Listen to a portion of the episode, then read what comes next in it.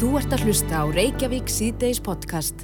Það eru fá mál sem að vekja upp ja, mikla tilfinningar sínismanni eins og þegar að rættur um dýrin Já, e, og það sprettur alltaf upp þessu umræða á hverju ári, sérstaklega þegar að voru kemur og eldja hljóðin byrja í fuglunum að þá kemur umræðan um lausagöngu katta. já við, það ringdi nú eitt maður hérna í, í símatíma til okkar fyrir örfáum dögum síðan og sagði að þetta væri heit kartabla. Já, já, þetta er það. Þetta er vissulega heit kartabla, það er svona, um, já fólk, það er með mjög skiptar skoðanir á þessu máli. Við spurðum í viðháskonun inn á vísi.is, finnst þér að banna í lausagöngu katta í þínu sveitafélagi? Og með að við niðurstöðuna þá eru flesti sem vilja takmarka lausagönguna að eitthvað leiti. 37,5% vilja banna lausagönguna alfarið, halda bara köttum alltaf inni. Nú aðeins á varptíma smáfugla 27,6% og svo þeir sem að vilja ekki hrópla við lausagöngunni eru 34,9%. Já, þannig við sjáum að þetta er allavega uh, meiri hluti Já. og, og vel rúmlega það sem að Akkúrat. vilja takmarka að einhverju leiti. Já, en svo er það kannski eh, er smá mistilingur í gangi að sumir sko tala fyrir hönd fuglana og eru miklu fuglavinnir og er ekkert endilega að tala gegn köttum en fá þann stimpil á sig Já, það er einn maður sem hefur verið mikið að, að tala sko fyrir, talar fyrir hönd fuglana, má segja það. Já, já, málsværi þeirra Málsværi þeirra, en hefur verið sagaður um að vera dýranýðingur og annað slikt í, í, í kannski svona uh, umræðinni á samfélagsmiðlum og annað slikt, en, en það er hann Sigurður Ægjesson, uh, prestur á Siglufyrði og hann er á línni, kom til sæl. Já, sæl. Já, þ- þessi umræða er alltaf eins og við segjum svolítið heit kartabla en, þú hefur nú fengið yfir því alls konar skammir fyrir það að, að uh, já, vilja takmarka lausugöngu katta. Já, já, það var náttúrulega verst fyrst, sko, af því að, já, ég veit ekki af hverju svo sem, en, en svo fóru þetta óvast og, og hérna, fóru fleiri að stöppa á vagnin með mér. mm Kannski þegar þið sáu hvernig henni let, ég veit það ekki. Já, þú hérna, en smá þetta, sko, ég, já, já, en, en þetta hefur ekki náttúrulega á mig. Það er það sem að kannski fólk ekki veit, sko. Ég kom með það þykka skrápi eftir, eftir að hafa verið prestur í 30 og, já, hátt í 40 ár, sko. en hvað, hver er þín hugmynd? Ertu að tala um að banna lausagöngu katta bara alfarið? Nei, hugmyndin var að banna þetta á vartíma fugla. Að halda það minni og, og raukin eru þessi sko að, að um, kötturinn tilherir ekki íslenski náttúru frá upp að hann er aðskotadýr, hann, hann er komið frá Afríku og náttúran er ekki uh, tilbúin í þetta sko. Þetta fylgni samband uh, veiðidýr svo bráðar er ekki til staðar, ekki eðlilegt fylgninsamband.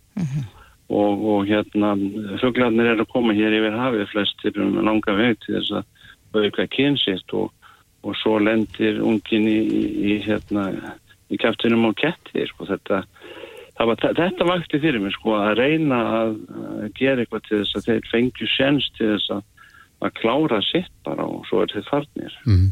En sérðu fyrir að, að þetta getur verið erfitt þar að það eru annars vegar inni kettir sem eru bara inni alla sína tíð Já. og svo eru kettir sem eru frjálsir og fara bara að koma. Getur ekki reynst erfitt að, að banna köttum að fara út sem eru vanir því? Já, bróðið minn, hann Gilvi, hann er með þrjá ketti. Þegar hann bjóði hveragetti, þá voru það úti kettir. Mm Nú eh, býr hann á Selfossi og þeir eru búin að vera inni kettir í, í tvö ár Og hvart ekkert? og hvart ekki. Þannig, að það er ekki verið að taka lífskeiði af köttunum. Mm, Ég, ég náttúrulega veit það ekki, en þetta er náttúrulega bara það sem að ég hef heyrt og, og margir þeir sem eru að, að kommenta, þeir segja að þetta er ekkert mál og það eru kattæðundur. Ég menn við erum að tala um þrjá mánuði eða hvað það er sko. En hverjir eru það sem eru hvað háværastir í þessum sko upprópunum gagvar þér? Ég láti mig ekki á því sko. Ég, það eru bara einhverju sem að finnst eh, ekki ganga upp að kettir séu hafðir inni, að þetta séu bara þannig dýr. Það eru rökin. Já. Verður þú mikið var við ketti í veiði ham á, á þessum tíma? Já, mjög mikið. Og það sem að ég fekk mig núna til þess að, sæ, leggja til við, við fjallabegð að lausangangan erði bönnuð á vartíma var það að ég var að merkja fjögla fyrir náttúrlöfstofnum og það kom köttur í búrið.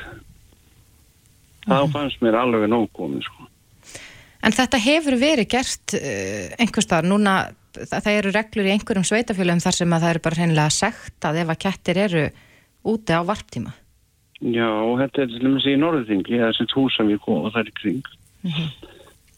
Það er lausagangan alveg bönnuð og svo, svo sem sagt í flati á eh, held ég, ég veit ekki hvort það eru skjálfandi eða bregðar en það er ekki engi, engi kettilegir og náttúrulega ekki grímseg og, og í ríseg en mér skilst reyndar að það sé hægt að fá undan þá fyrir, fyrir að taka kött út í, út í grímseg eða, eða ríseg sem mér finnst náttúrulega fáranlegt Mm En af þessum stöðum sem að banna lausagöngu katta á varptíma, hvernig hefur það gengið þar? Hefur þið heilt eitthvað, eitthvað af því? Eh, Það var nú frétt í morgunblæðinu gæð þar sem að tala við einn á Húsavík og hann sagði að það hefði gengið sæmilega en það eru mjög margir sem að, og langt flesti sem fylgja þessu. Þeir eru með kvöttin ímist í bandi eða í einhverju getningu út í, út í garði uh, en svo eru það trassarnir náttúrulega. Það er alltaf trassarnir sem koma óvorið á alla hérna. Alltaf, ja, í þessu og öðru. Það er bara þannig. Ég kannski fæði leiðrætt að, að ég var að fara með randmál í Norðurþingi, sérst á Húsavík, þá er lausagang katta bara með öllu óheimil, Já, ekki einungis á varptíma. Já, já, hún er alveg bönnu. Það er eina, eina sveitarfélagi sem hefur bannað þetta algjörlega. En hvernig hefur þér gengið á, á siglufyrði? Er, er, er hlustað á þig þegar þú kallar eftir þessu? Já, ég, ég hef fengið mjög góð viðbröð, sko. En gárungarnir reyndar sögðu, sko, að ég mér hefur tekist það sem að sveitustjórn hefði ekki tekist frá 2006 og það var að samin órulsfinning og sigfuringa gegn mér, sko. en, en hérna, mér fannst það ágæð, sko. En ég fæ mjög sterk viðbröð heima og góð.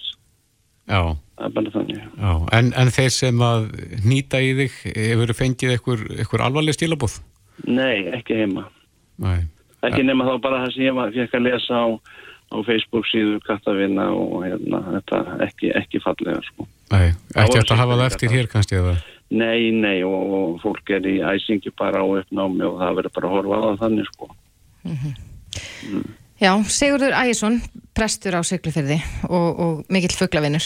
Kæra þakki fyrir þetta. Herru, takk, takk sem leiðis, bless. Þú ert að hlusta á Reykjavík síðdeis podcast. Reykjavík síðdeis á bylginni heldur áfram. Það er búið að vera ansi mikil spenna í kringum bólusetningar síðustu daga. Já. Svona, og þetta er svona, það var í beinni útsendingu verið að draga úr, úr potti, svona árgangana sem að, fengu bólusetningu Einmitt.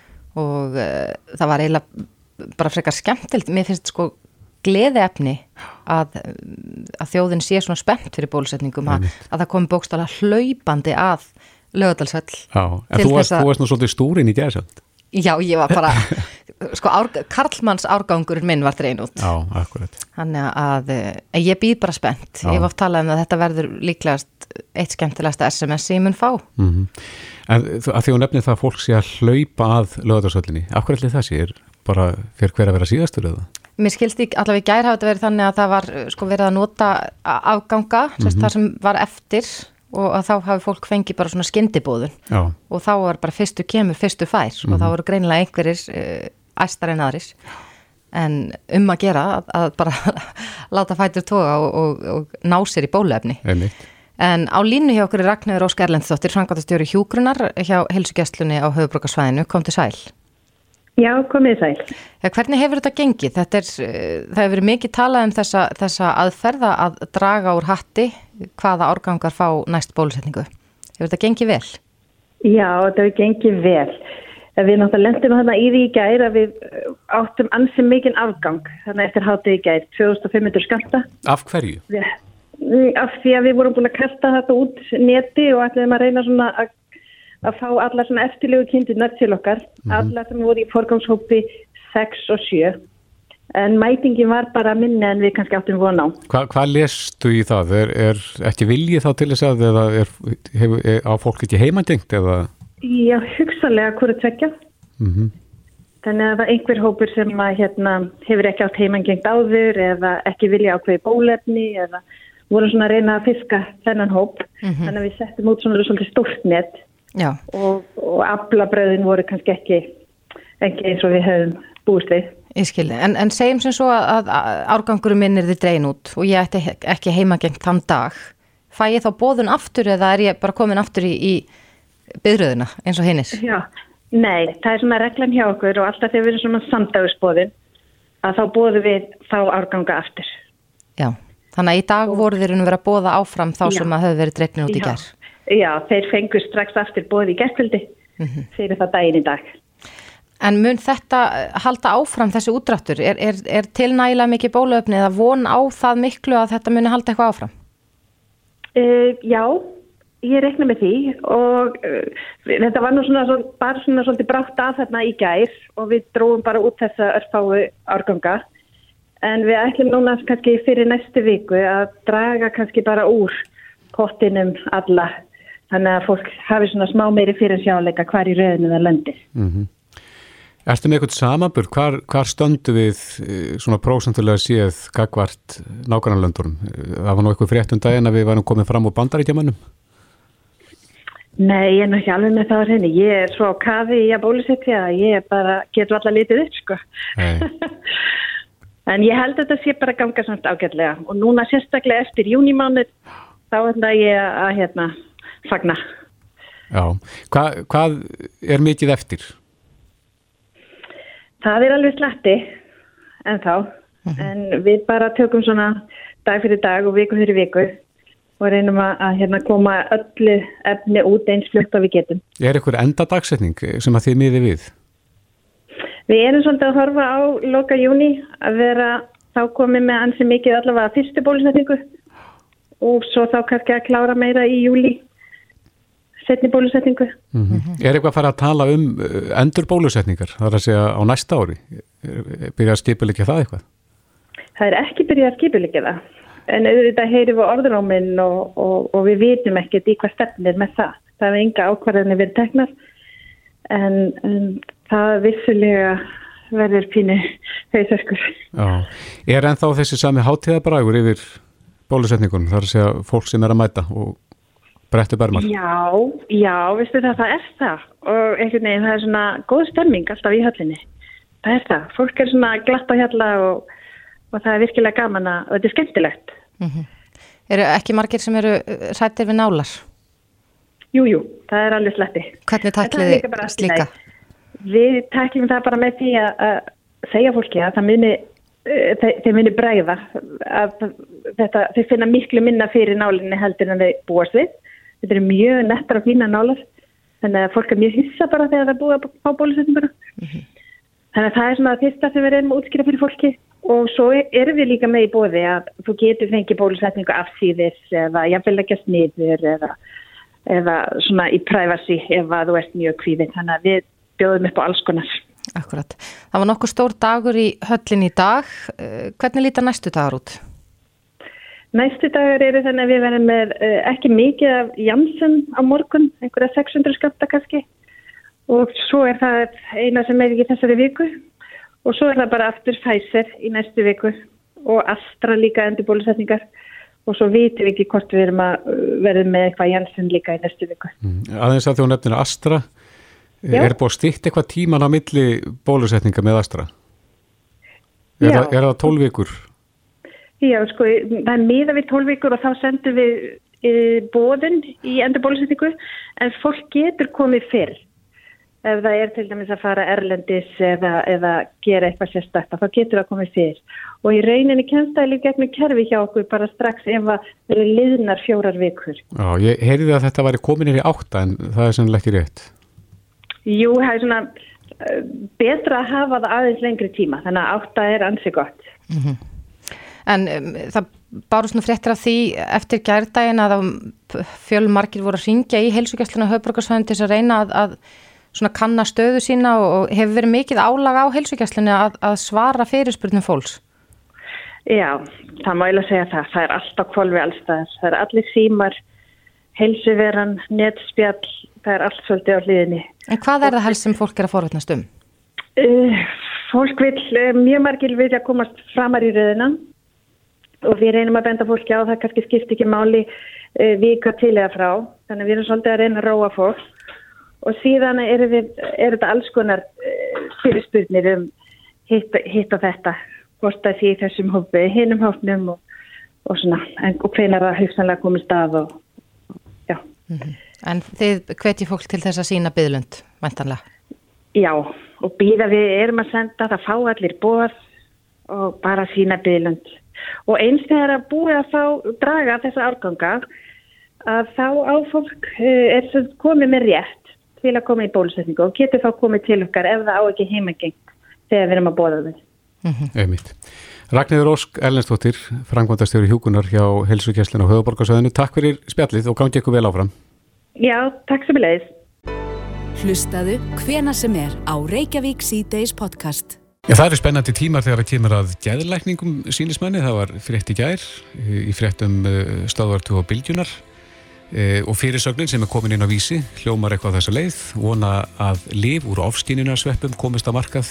Ein meðferð eins og tíu ára sálfræði meðferð. Já, þetta sérfræðingar segja að þetta sé hreinlega bylting í meðferð við þunglindi, kvíða og öðru. En þetta, þessi lif, þetta er búið að vera okkur svona þróunastigi, búið að vera að prófa þetta það var nú her, líka hér strattur um að, að sko, stóru lifjafyrirtækið mun ekki fagna því þegar að, að fólk hættir að taka þunglindslif en uh, samkvæmt þessari frétt að fengu eh, ríflega 40.000 manns svona SSRI-lif sem eru notið við þunglind og kvíða á síðast ári. En þetta eru 7.000 fleiri en eh, einstaklingar en fyrir fjórum árum. Já, þannig að þessi hópu stekkar. Já, Já. en okkur leikur fórhættin að vita sko þegar að koma ný lif á markað hvað fer í gang hver sækir um það og, og hvaða ferli er nú hjá lifjastofnun Rúna Högstóttir Kvanberg, fóstjóri Lífjastofnunar, er á línunni, kom til sæl. Alveg bless. Hafa þessi lifi eitthvað komið inn að bort til ykkar? Nei, raunverulega ekki. Eða Þá er þetta að tala um sem sagt einhver líf sem, eru, sem innihalda þetta virka innihaldshefni. Já, úr ofskýninarsveppum. Já, sílósýpi. Nei, það hefur ekki komið til okkar eh, enda, enda kæmið ekki til okkar fyrir það væri raunverulega búið að fara í gegnum uh, uh, eða sem það væri komið í umsóknarferli uh, umsóknarferli þá umsóknarferli um markasleiði Já, en þetta, Eh, þetta hljóma svo spennandi, Rúna, að hérna, og það eru greinlega margir sem býða spenntir eftir að fá þetta á markað. Hvað er þetta langt ferli? Já, það fyrir náttúrulega bara svolítið eftir, það er erfitt til mig að segja því það fyrir náttúrulega alltaf eftir hvað rannsóknum er að koma langt. Og, og það eru víst nokkrir aðilar í rannsóknum um þetta og, og uh, ef, ef þetta er skilgreint sem mikil vöndun á markaði, sagt, að, að þá eru ymsir ferlar hjá Evrósku lífastofnunni að, að taka þetta fram yfir eitthvað annað. En það er náttúrulega fjölmálkir sjúkdómar sem ekki er lækning við og, og, og myndi þá falla undir þessa ferla líka. Akkurat. Það eru uh, þetta virka efni sem heitir sílósýpin, það er unnið úr þessum ofskinnunasveppum um, en það er ennþá ólöglegt hér á landi. Skiptir það máli upp á, upp á ferlið hjá ykkur að það, þetta flokkisturinu sem ávan og fíknefni? E, nei, raunverulega ekki, sko, því það er svolítið munur á efni og síðan sérlifi og efni slíkt er sem sagt ávana fíkni, e, skilfinn sem ávana fíkni efni og varsla bönnuð, sko, samkvæmt, íslenskum lögum, e, en þar með er ekki öll saga sögð, því það, þú veist, eru uh, sérlif hér sem innihalda efni af þessum lista og ég menna dæmi um það er bara þú veist, amfetamin og morfín og, og, og, og einhver lifinnin og kannabisjustinni og þá bara mjög mikilvægt að gefa sér grein fyrir því að sérlifa það er þá bara e, það getur innihaldið e, þetta virka innihaldsefni en það er þá í einhverjum ákveðnum e, styrkleika og ætlað e, fyrir einhvern ákveðin sjúkdóm eða með ábending og þar með orðið sko sérlif og þá á baki því liggja þá mjög miklar rannsóknir um, um klínískan ábata en líka að það framleistan uppfylli sagt gæði og öryggi. Mm En það er eins og Þórti sagði hérna á hann að þetta er líka hagsmunamál, það er einhverju sem að þá ef að svona lifi tekja á marka hér sem að missa spón og sínum aski. Er, er eitthvað um það að, að uh, fólk eða fyrirtæki vinni gegn því að, að lif séu tekin inn á markaðin hér? Það er náttúrulega engin fórsenda fyrir því. Þú veist, bara e, þeir sem hafa áhuga eða sem sagt og eru að gera þessar rannsóknir að þeir annarkort hafa nælega til að fara í sagt umsóknum markasleifi og það er algjörlega óháð því hvort að sé einhverjar aðrar e, meðferði til staðar. Mm En það er náttúrulega talað um að þetta sé í, við einhverju það sem ekki er meðferð til staðar. Já, Nefna sálfræði með fyrir í... Já. æmitt. En uh, nú, það kom, barst með einhverjum fréttum um daginn þar sem var verið að fjalla um, um þessi lif sem eru unnun úr uh, þessum ofskinnunasveppum að hópur sérfræðinga skoða að leita til ykkar. Uh, hafið þið fengið einhverja fundarbeðin eða annað slíkt til þess að ræða þessi mál? Já, við höfum fengið óskum fund og við verðum við því og þá eru bara aðeins hér heima að kynna, kynna sér uh, hvaða, hvaða ferlar eru uh, uh, sem eru mögulegir í, í sambandi við þetta. Mm Erum við strángar í þessum málum hér heldur en í nákvæmlandunum? Nei, nei, við erum bara alveg nákvæmlega eins og í nákvæmlega löndunum ef við ættum að horfa hvort þetta er ávæðnum fíknefni e, þá er það bara sem sagt í samningi saminnið þjóðana e, og, og sem er frá bara 71 og, og með gildistöku hér 74 svo það er nákvæmlega sambarilegt og við erum alltaf bara að hluta þessu eh, evróska eh, markasleifa eh, kerfi eins og hefur náttúrulega komið fram í sambandi við bólefnin og, og þá er það bara ef það er, ef það er sótt um í evrósku lífastofnun þá er það bara hluti af umsóknum hér hjá okkur og ef það er sótt um í einhver annari lífastofnun þá er alltaf að skoða það hérna hjá okkur. Það hafa eflaust áður orðið byltingar í, í livjamálum. Uh, Ef þú þyrstir að leggja mat á það, gætur uh, ég svona giska hvort þú haldir þetta ver- verði að veruleika hér á landi á næstunni? Ég hef enga fórsendur uh, til þess að, meta það. Ég menna þetta er eitt af mörgum bara mjög áhugaverðum uh, efnum sem eru til skoðunar.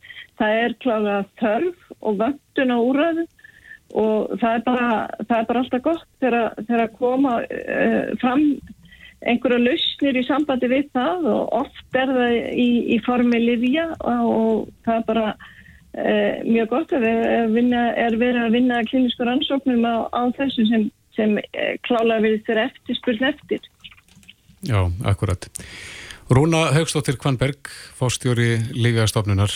Kæra þakki fyrir spjallið. Já, takk fyrir. Reykjavík síðdeis á bylginni. Já, nú er farið að stýttast í kostningar. Þetta verður stjórnmála sumari mikla. Já, má segja það. Já, má segja. En það er líka komið stjálti í, í menn. E, við sjáum það hér inn á vefsíðu Ríkisútarsins að þingmaður viðflokksins skorar á fósætt alþingis að leggja til takmarkanir á aðkomur á þeirra á þinnum ímsu uppákonum. Það er að segja að þeir eru ansi við að klippa borða og, og slíkt. Já, bara sinna svona einhverjum skildum sínum Já. sem ráþarar. Akkurat. En e, Bergþór Ólason hefur talað fyrir þessu og hann er á línu, kom til sæl. Já, sælverið. E, óttist þið að ráð þeirra notið þetta svona sér eh, hérna til framdráttar í, í pólitísku barátunni? Já, svona í sögulegu samingi þá verður fyrir algjöra tilviljun væntalega mjög mikið af borðaklippingum og skóplustungum í ágúst og september. Það er auðvitað þekkt í gegnum tíðina að, að ráþeirar sinni þeim verkefnum sem eru auðvitað, auðvitað ekkert aðtúast við, við að sé raunin. Nei, þú varst nú, Bergþór, þú varst hérna aðstofamaður samgöngur á þeirra? Jú, jú, en, en, en það atvikaðist nú þannig að ég var ekki í því starfi svona undir, undir lók kjörstíðanbilsins, þannig að ég fekk ekki reynsla af, af þeim hluta skóplustungu og borðaklippinga uh, þáttarins, en, en, en, en það sem að, það sem að uh, gerist auðvitað það er að, að það með svona ráþeirar var svona freysni vandi að, að íta þessum uppákomum eins nærri eh, kostningum og hægt er. Og það auðvitað stingur í stúfi það sem verður að reyna að gera í þinginu núna með því til að mynda að, að, eh, að svona þingmenn borgi sjálfur ferðarkostna síðustu sex kostn, vikurna fyrir kostningar sem ég gerir bara engar aðtóðasendi við. En þá er þetta sko galið að, að yfirburða staða ráþærna sem er nú mikil fyrir með þessu svigrúmi til að íta ímiskonar uppákomum og, og svona hérna, ljósmyndatækifærum á þessar síðustu vikur fyrir kostningar að hún verði gerð enn meiri með því að þingmönnum séu settar þessar skorður sem ég ítreka ekki engar aðtöðasendi við en að þeir uh, í rauninni hafi uh, fulla getu til þess að nýta sér öll forreitindi sem for, felast í, í ráþæradómnum hvort sem það er að stýra uppákomum inn á þessar síðustu vikur fyrir kostningar nú eða þá bara til dæmis að ferðast um á ráþærabílnum á, uh, á að banna, eh, ef menn yfirfæri þetta á ráþæran á þá að banna uh, að það er verið, þeim verið skutlað í atkvæðagreyslu með að þeir taka með sér fastþega úr sínum eigin flokki á fundi út á landi og svona þarfamdi göttunum og þetta, og þetta í raunni kristallaðist eh, með áhugaverðum hætti í umræðinu um atkvæðagreysluna í dag eh, um sem sagt máli sem snýra því að takmarka uh, sveigurum þingmanna til ferðarlega þessar síðustu sex vikur uh, þá kallar Stengrimu Jósefússon sem er flutningsmaður málsins uh, beinlínis uh, Bjarnar Benditsson fjármálar á þeirra upp í pontu til að staðfesta þann skilning að, að ráþerranum verði settar svipaða reglur og þingmannum eru settar núna. En þá þetta kemur þá daginn og Bjarni Benditsson fjármálar á þeirra svara því bara heiðarlega, að, að þetta eru þetta uh, svona mjög, þetta, þetta er í rauninni ekki fær leið sem er verið að fara þarna. Það, það, það verður bara þannig að ráþerrar hverju sinni standa fram með fyrir kjósundum sínum sem ráþerrar og, og þar með má segja að, að fjármálaráþerra eh, staðfesti það að, að svo vekstferð sem að fórseti alþingis hefur verið á í þessu máli, hún sé órunhæf ef að uh, markmið er rumvörlega það að jafna aðstöðum en frambjóðanda. Því að þarna með þessum reglum eins og það er líka fyrir núna, þá verður aðstöða ráþæran orðin enn meiri yfirborðað aðstöða heldur neyri í dag. Já, en Bergþór heldur að, að eh, aðrir þingmenn bæði sko í stjórnar andstöðu og í ríkistjórn uh, séu sammálaðir í þessu? Mér heyrðist hann nú á, á umræðu um þessa atkvæðakarist í dag að, að, að, stjórnaranstöðu þingmenn séu nú gegnumgangandi sammálað þessu. En það er auðvitað þannig að það er erfitt um vik fyrir stjórnatingmenn að, að andmæla þessu, verandi búin að samtekja þetta á öllum stígum í ríkistjórn og þingflokkum sínum. En, en ég held að það standist auðvitað enga skinnsemi skoðun að reyna að út, útskýra það fyrir venjulegu fólki að það sé eðlilegt að þingmaður uh, hérna uh, hafi, hafi enga stöðu til ferðarlaga uh, svona hefbundna hvað, hvað kostnaða þáttöku varðar en að ráð þegar hann sé á sama tímu með sko allt sitt starfslið bílstjóra, bíl uh, og þess að getu til að stýra atbyrðum uh, inn á síðustu viku fyrir kostningar. Já, rétt eins í... Fyrir því samengi þá bent ég nú á þá löst sem er mögulega að, að bara komi svo stað upp að það verði að taka uh, skóplustungu af nýju hjúkurunarheimili tveimur vikum fyrir kost, kostningar eða klippa borða á einhverjum veginum. Nú þá bara gerir ráðunni til stjórn það. Já, viltu draga mörkin hérna við sex vikur fyrir kjördag? Mér er nú svo sem nokk sama hvað þessi lína dregin, mér finnst bara sangjast að það sé einhvern ja, svona jafnræði í þessu á milli þeirra sem að, sem að hérna, standi í þessum slag.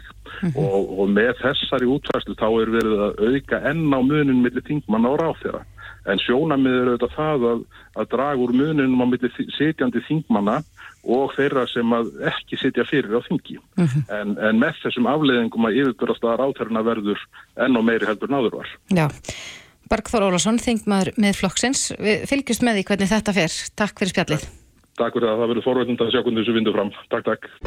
Þetta er Reykjavík C-Days podcast. Reykjavík C-Days, uh, maður er að heyra svona misjafna sögur af því hvernig stytting vinnuvikunar er að koma út og sérstaklega hjá ofnbjörnstofnunum. Já, það var borist sögur bæði af spítalunum þar sem að loka hefur þurft skurstofum vegna manneklu mm -hmm. og, og svo heyrðu við í formanni landsamans lauruglumanna hér fyrir tveimur dögum síðan og hann hafði miklar áökjur á stöðunni.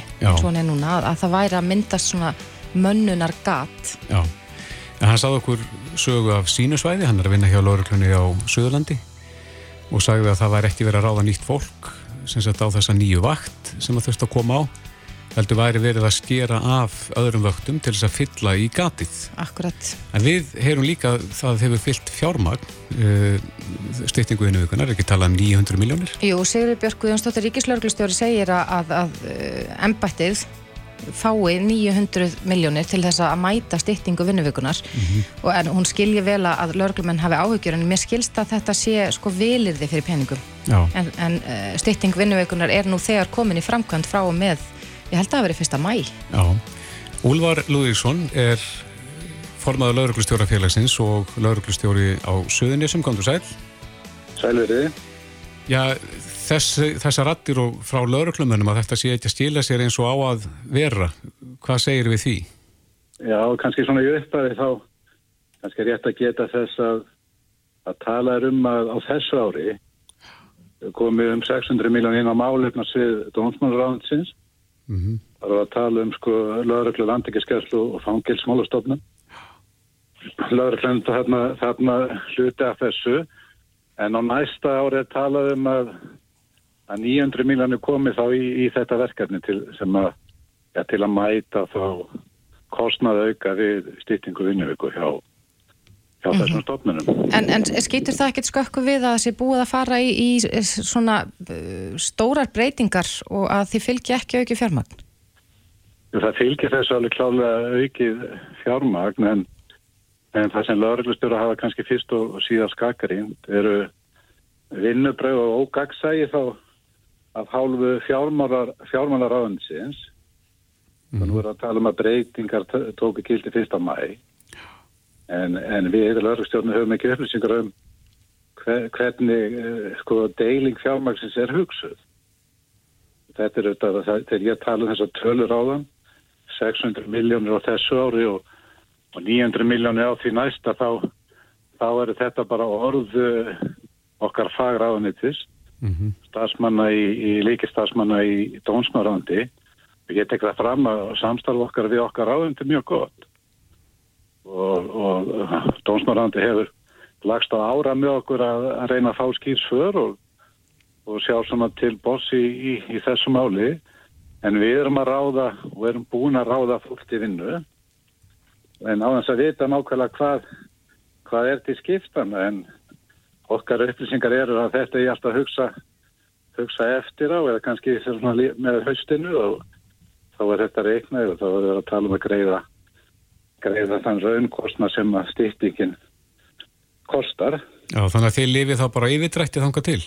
Já, við veitum reynar ekki nákvæmlega hvað hvað er þetta í skiptan eins og ég, eins og ég sagði á þann það er, er þetta bagalegt árið 2021 að að þurfa að reyka embætti á á, á, á hvað sé að lofórðum mm -hmm. í orðin ekki á borði mm -hmm. Þú ert lauruglistjór á Suðunessum hvernig er staðan hjá ykkur, hvað var það þetta mönnuna gat sem að hefur myndast eins og að, að sögn uh, hans fjölnis sem við rættum við hér um daginn? Hann talar um mönnuna gat, ég er nú kannski alveg á samastað en, en stýtti kvinnuviku hjá Já, þessu ennbætti hýtti það að við þurfum að bæta við áttamönnum í al, almennu deild, slöruglu hér á, í Reykjanesbæ. Mm -hmm. og 11 mönnum í, í flugstöðardeild og það sem ennum kannski merkilegt og, og, og lýsandi þá fyrir þá stöðu sem að löruglan er í í dag að við erum ekki að, að fá mentað menn í þess, þessa stöður. Já, þetta er ómenta fólk. Þetta er ómenta fólk. Mm -hmm. Hafa orðið mikla breytingar á þessu síðan að, eh, já, í raun og veru þessu var breytti í náma háskólastíði? Eru færri uh, eh, lauruglumenn að útskjöfast? Já, við, menna, við höldum ekki, sko, það er fjölmenn starfstjött, starfstjött eh, lauruglumanna og það er þetta margir þeir fara, fara á eftirlun 65 ára, mm -hmm. þannig að við náum ekkert að halda í við sko brott, brottfallið. Þannig að það er þetta bara fyrir þetta skilabóð frá mér sem laurugstjóru og formann í laurugstjórafélags Íslands að, að það kannski til eh, fjárlegavalsins að það þurft að bæta vel í og gera þá uh, háskólum Akureyri og, og, ríkislaurugstjóra kleift að útskrifa fleiri, fleiri lauruglumenn. Já. Þannig að mér heyrist að... Það er 40-50 manns á ári, það bara dögur ekki til. Nei, en mér heyrist þú verið að segja að ljónið í veginum sé fjármála ráðnættið, svona bæðið þar að kemur að styrningu vinnumvikunar og, og að útskrifa fleiri lögurlumenn. Ég menna það er, við erum með þetta lögjavald og, og stjórnaráð og við erum með fjármán ráðnætti, en, en eins og staðin í dag þá er, þá er okkar ofan að fyrst og síðast þetta bara með vinnubræði í fjármán ráðnætti. Mm -hmm. Það hefur verið talað um að það þurfa að bæta við 75 lauruglumunum bara út af styttingu vinnuveikunar og að það að sé í raun og vera manneklan sem slík sé starra vandamál. Uh, er þetta tölur sem að hljóma eins og réttar í þínum erum? Ég er sjálfsög ekki með, með uh, klára þessa tölur 75 en ef við horfum bara á þetta ennbætti hér þá erum við að tala um 19, 19 stöður. Og svo fara, fara auðvitað lörglumenn í, í, í frí yfir, yfir sögmatíman þannig að við erum kannski okkar vant en þá tíu tíu starfsmenn til að leysa leysa lörglumenn af í, í sögmar þannig að við erum bara í þetta ekkert alltaf góða málum. Nei. Í miður og, og uh, ykkar verkefni hljóta líka að verða fleiri svona núna er búið að tala mikið um að, að uh, það sé aukinn strömi ferðamanna uh, hér á landi og flestir fara nú í gegnum söðunisinn, allavega á leið sinnum landið. Akkurat, minna, við leysum þetta okkar verkefni, minna, það er svo sem enginn barlómur en, en vandamálin eru, eru þekkt og hafa, hafa verið lengi. Það er þetta, það er þetta mjög kostnæðarsamt að halda úti öfluri vöggjastlu Mm -hmm. en, en fyrir, fyrir stjórnmálum en þá þurfa þetta að hafa, hafa, hafa auðvun á því hvað, hvað er í gangi. Minna, við erum auðvitað að berjast við að reyna að halda þessu samfélagi þokkalega, þokkalega góð og helst vilju vera laus við vandraganga að utan. Glæpa klíkur það er, það er horfa í kringur sig og það er horfa til Íslands og við þurfum þetta bara hverjum tíma að vera, vera í, í snakkbúin til að mæta, mæta slíkri ásó. Já, þessa klíku það nýta sér veika hlekki. Ég menn það er þetta hugstandi menni í, inn í þessum klíkum, það er bara þannig. Já, já. Úlvar Lúðvíksson, formaður Lauruglustjórafélags Íslands og lauruglustjóri hjá Laurugluna Suðunisum. Kæra þakki fyrir þetta. Takk fyrir. Reykjavík síðdeis á Bilginni podcast. Reykjavík síðdeis, það er nú ansi margir að verða ferða færir, svona búinir að fá sína bólusetningu. Já, ég las það inn á, inn á uh, einhverjum fréttamæli í dag, ég held að þessu 177.000 manns búin að fá allavega einn skamt af bóluefni Já. og Svandi Svavastóttir heilbriðisráð þegar sagði það í gæra að, að það stefna alltaf í að uh, 90% þjóðurinn að verði búin að fá allavega eitthvað bóluefni, bóluefni fyrir lok uh, þessa mannar. Já, og maður heyri líka sko í fólki sem er að býða eftir bólusetningu að það býð eftir því að geta farið út Já, að nýtt þessa bólusetningu. En það er spurning, eru, eru margir á faraldsvæti núna og hver er ströymurinn til ferðarskristóðana? akkurat. Á línu hjá okkur er Tómas uh, Jóð Gestsson, Frankóttur heimsferða. Kom til sæl. Já, sæl. Ja, hvernig hefur uh, staðan hjá ykkur verið núna undanförnu? Er, er fólk að versla eða er, er fólk meira svona bara að skoða og, og með fyrirspurnum ferðir eða er fólk að bóka sig? Það var mikið sko spurt svona fyrir páska en síðan eftir páska hefur, hefur aukist mikið salan hjá okkur. Mm Uh, við ákvæmum að, að hérna að því vissum að bólusendingum myndu uh, ganga vel svona, svona eftir páska þegar var að koma stærri tölur og, og uh, svona um meðan júni þá reiknum við með að ástandi væri orðið þokkalegt. Akkurat. Þannig að við hefum svona stíðu dagar, bara, bara, bara mæmánuður var mjög góður sölu hjá okkur inn á sumarið og sérstaklega haustið. Já. Hvert vill fólk helst fara? Er, það, er þetta sólalöndin sem að heilla eða hvað? E, já, núna hefur svona kannski maður segja Alicante hefur hatt vinningin síðustu daga. Mm -hmm. kannski fólk mikið að fara í íbúður eða, eða fær að hérna, koma stað í einhverjum íbúður sem að, aðrir eiga. En svo er að fara eh, svona núna í júli er fara aukast tölvöld pakkaferðarsalan. Bæði Tenerife, Krítar og, og uh, á Bendónsvæðið.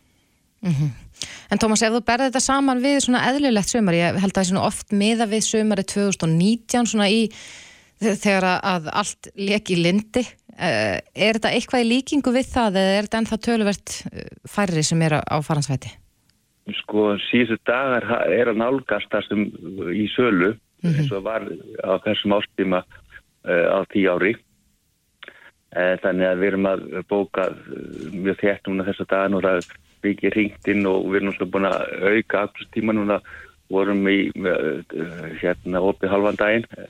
En núna er opið frá 9 til 16 hjá okkur. Mm og við erum búin að fjölga starfsfólki og það er, það er mikið að gera þannig að, þannig að ég er nokkuð býstum að, að hjólinn fara að snúast á fulluruna bara strax í sumar. Já, en eh, fáið þið líka mikið af fyrirspurnum varðandi svona stöðuna í þeim löndum sem þið eru að bóka fólk, sko, hvað varðar faraldurinn og bólusetningavottorð og, og PCR-próf og þess áttar? Jú, jú, við förum tölvist að að fyrirspurnum um þetta og náttúrulega munum upplýsa okkar fólk og hefum gert, hefum gert þar á undarförnum. Uh, nú, það má segja það að, að krít til dæmis, að þeir opnu fyrir ferðamannin, núna 14. mæti í slinn, uh, en krefist ennþá BSG Pros uh, uh, við komu. Og, og uh, spárn er svo sem Íslingar tekja það vel að það er náttúrulega krefist BSG Pros þar. Uh, en auðvitað má búast til því að það er að fara að líða sumarið, settlum í júlimáni þá, þá verður uh, þessu svona aflétt í, í, í áfangum. Mm Er einhverju staðir sem að þið hefur verið að fljúa farþegum til sem að eh, eru lokaðir ennþá eða þið treystið ykkur ekki til að, að skipta við? E, nei, við hefum við ákvæm að, að vera svona með aðeins minna prógram heldur en undanfæri svömmur. Uh, við erum að fljúa núna fimm flúi viku, við erum að fljúa til, uh, til Krítar, Malaga eða Kortur Sól, Alicante, Mhm. Verona og Ítalíu og þar hefur ástundið náttúrulega batnað til muna núna undanfærinu. Um, þannig og svo erum við með Tenerife sko í, í tvö fljúa viku. Já, það er mestir ströymur líkuð þangað. Já, Tenerife hefur náttúrulega verið svona tölumennast í sólurafnokastar rýstinga í mörg ár og, og það er svona aukast trafning þar en Alicante hafði vinningi svona framan að núna er Tenerife svona líklega að sigla fram úr. Mm En svo heyrir maður líka fólk tala um það að það treystir sér ekki alveg strax, vil ég svona kannski hingra aðeins.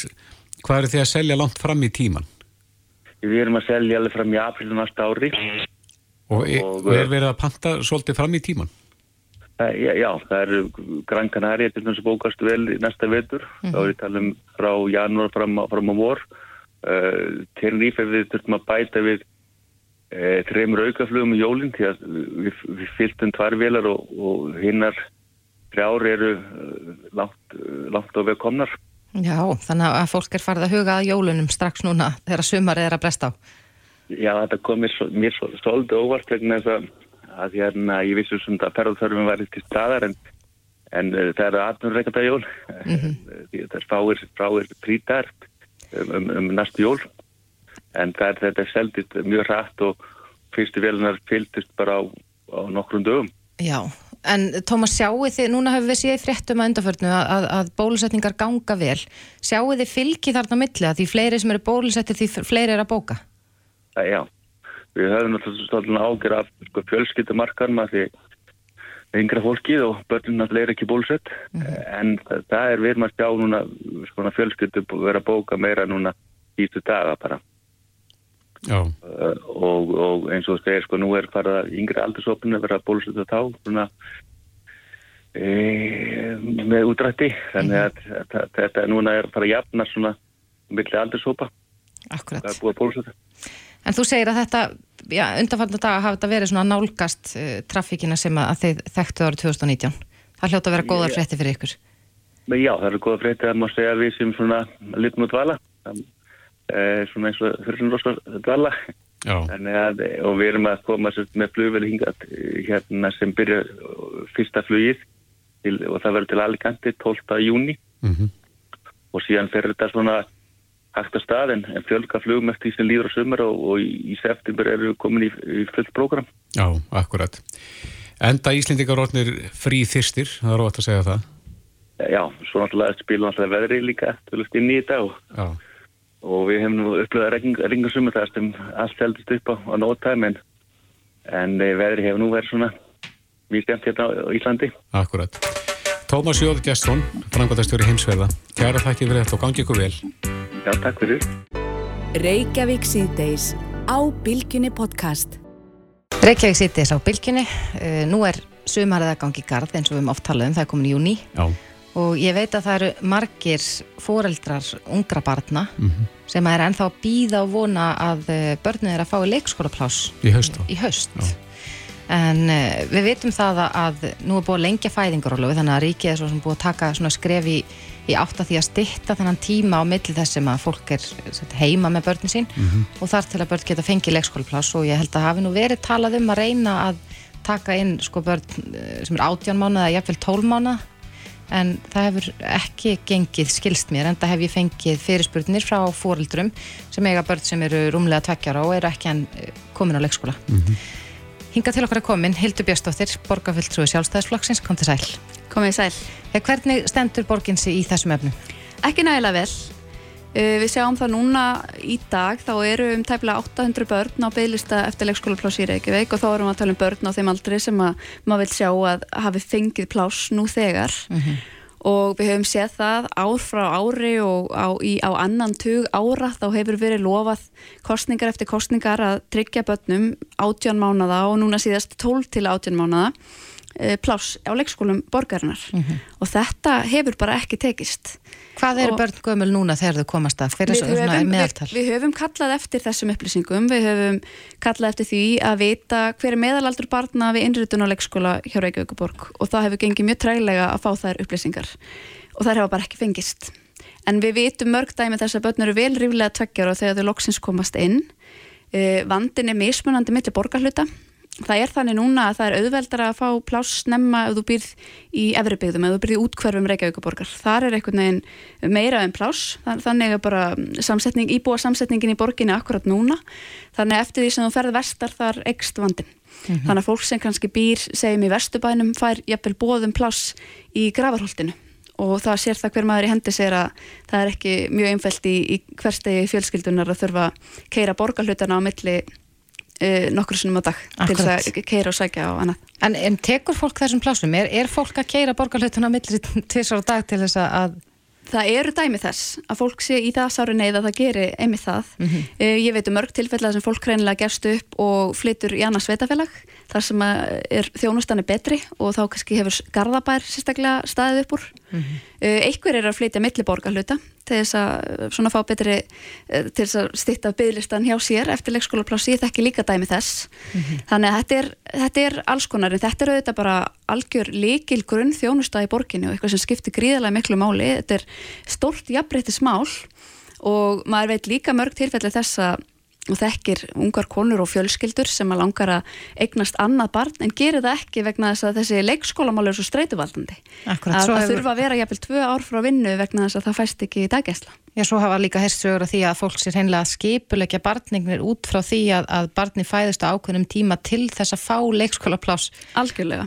Á Um sama haust. tíma og við erum sem þjóða hafa ágjörða því að, að barnegn fari minkandi og, og hér verði til framtíðar ekki nægilega margir til að sinna þeim verkefnum sem eru hér í samfélaginu að þá er einhvern veginn kerfið hjá Reykjavíkuborg uh, að jafnvel komið veg fyrir eða valda fólki þessari streitu sem gerir að verkum að fólk síður er eða búið að fara út í barnegnir. En, en hvar er vandamálið? Hvað þarf að gerast til þess að, hægt sé að breyta þessu til þess að koma til móts við fjölskyldum með þessu móti? Það þarf auðvitað að setja bara mikið meiri, mikið meiri kraft í málaflokkin og mér finnst svolítið sjokkerandi að horfa til þess að við vorum mikið að tala um þetta bara í kostningabarátunni í aðræðanda síðustu sveitastjórnarkostninga, nú er það bara um liðin fjögur ár síðan og staðan á byggðlistum hefur ekkert breyst mikið síðan þá. Þannig að við höfum haft þetta kjörtífumbil og það hefur bara lítið gerst. Það þarf auðvitað að setja fjármagn í málaflokkin, við þurfum að byggja nýjar leikskóladeildir. Uh, Við erum með núna uh, sjálfstætt starfandi skóla, líka leikskóla í borginni og þeir eru með 1200 börn hjá sér, þannig að við getum rétt ímyndað okkur ef þeirra nýti ekki við uh, og þetta er að tala um eins og hjallastefnu leikskólana og fleiri. Ef þeirra nýti ekki við þá væri auðvitað staðan að byrjastónum ennþá verri. En komast börn fyrr að á þessum engareknu leikskólum? Það er bara allur gangur á því. Ykkurir eru með ungbarnadeildir en það eru auðvitað beilistar þar eins og annar staðar og þeir eru mjög eftirsóttir.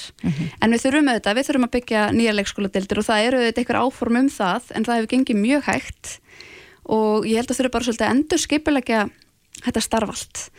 Og það er nú með þetta eins og mörg önnur ópenbær kerfi að maður hugsa stundum hvort við þurfum ekki bara að hugsa þetta allt saman upp á nýtt því hvers vegna er þetta bara ekki að ganga en augljóslega þurfum að setja aukinn kraft og meiri metna og fjármagn inn í málflokkin og sína hann sé í forgangi hjá okkur. Akkurat, hefur þú heyrst eh, svona, hvað sögur frá fólki, hvernig eru fjölskyldur að brúa þetta bil frá því að fæðingarólufi líkur og þar til að börn fá inngöngu á leikskóla? Er þetta alfarið dagmömmur eða eru sjálfstætt starfandi leikskólar þarna í Já, stóru hlutur? hvoru tveggja, uh, stundum heyrir maður sumir búa svo vel að vera með stert bakland og fá aðstóð þar mm einhver er eins og ég nefndi á þann hafa bara bröðuð á það ráð og það er þá kannski fólk sem hefur efni á því og það er ekki alls, alls ekki allir í þeirri aðstöð að flytja bara reynlega annað uh, en svo eru þetta bara sumir sem eru lengur frá vinnu og það var framkvæmt að því að núna stendur líka til og hefur staðið til í svolítinn tíma að st- að stitta leikskóladaginn líka. Uh, leikskóla Reykjavíkur hafa almennt verið opnið til 5 og nú er svona í umræðinu og, og var, var að koma skýsla á borð okkar í skólaráðinu uh, sem mælist til þess að við stittum leikskóladaginn úr 5 í hálf 5 eins og hefur verið svolítið í, í COVID. Og á þessu var framkvæmt jafnbreytismat uh, til að kanna hvaða áhrif þessi breyting myndi hafa. Og hún sýnir að hún kemur mjög illa niður á og verst niður á vinnandi mæðurum það eru helst mæður sem myndu bregðast við þessum skerta tíma fara fyrir vinnunni. Þetta væri fólk af erlendum uppruna með lítið bakland hérlendis, lítinn stuðning.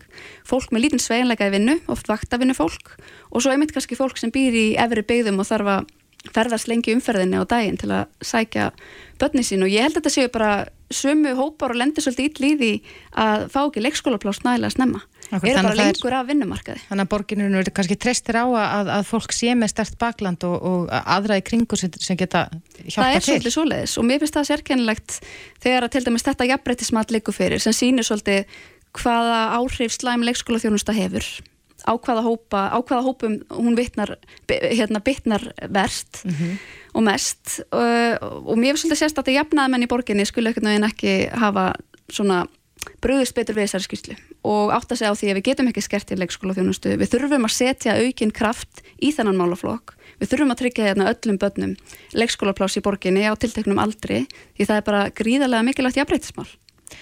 Hildur Björnstóttir, borgarfullsúi sjálfstæðisflokksins. Takk kærlega fyrir komuna. Takk fyrir mig. Þetta er Reykjavík C-Days podcast.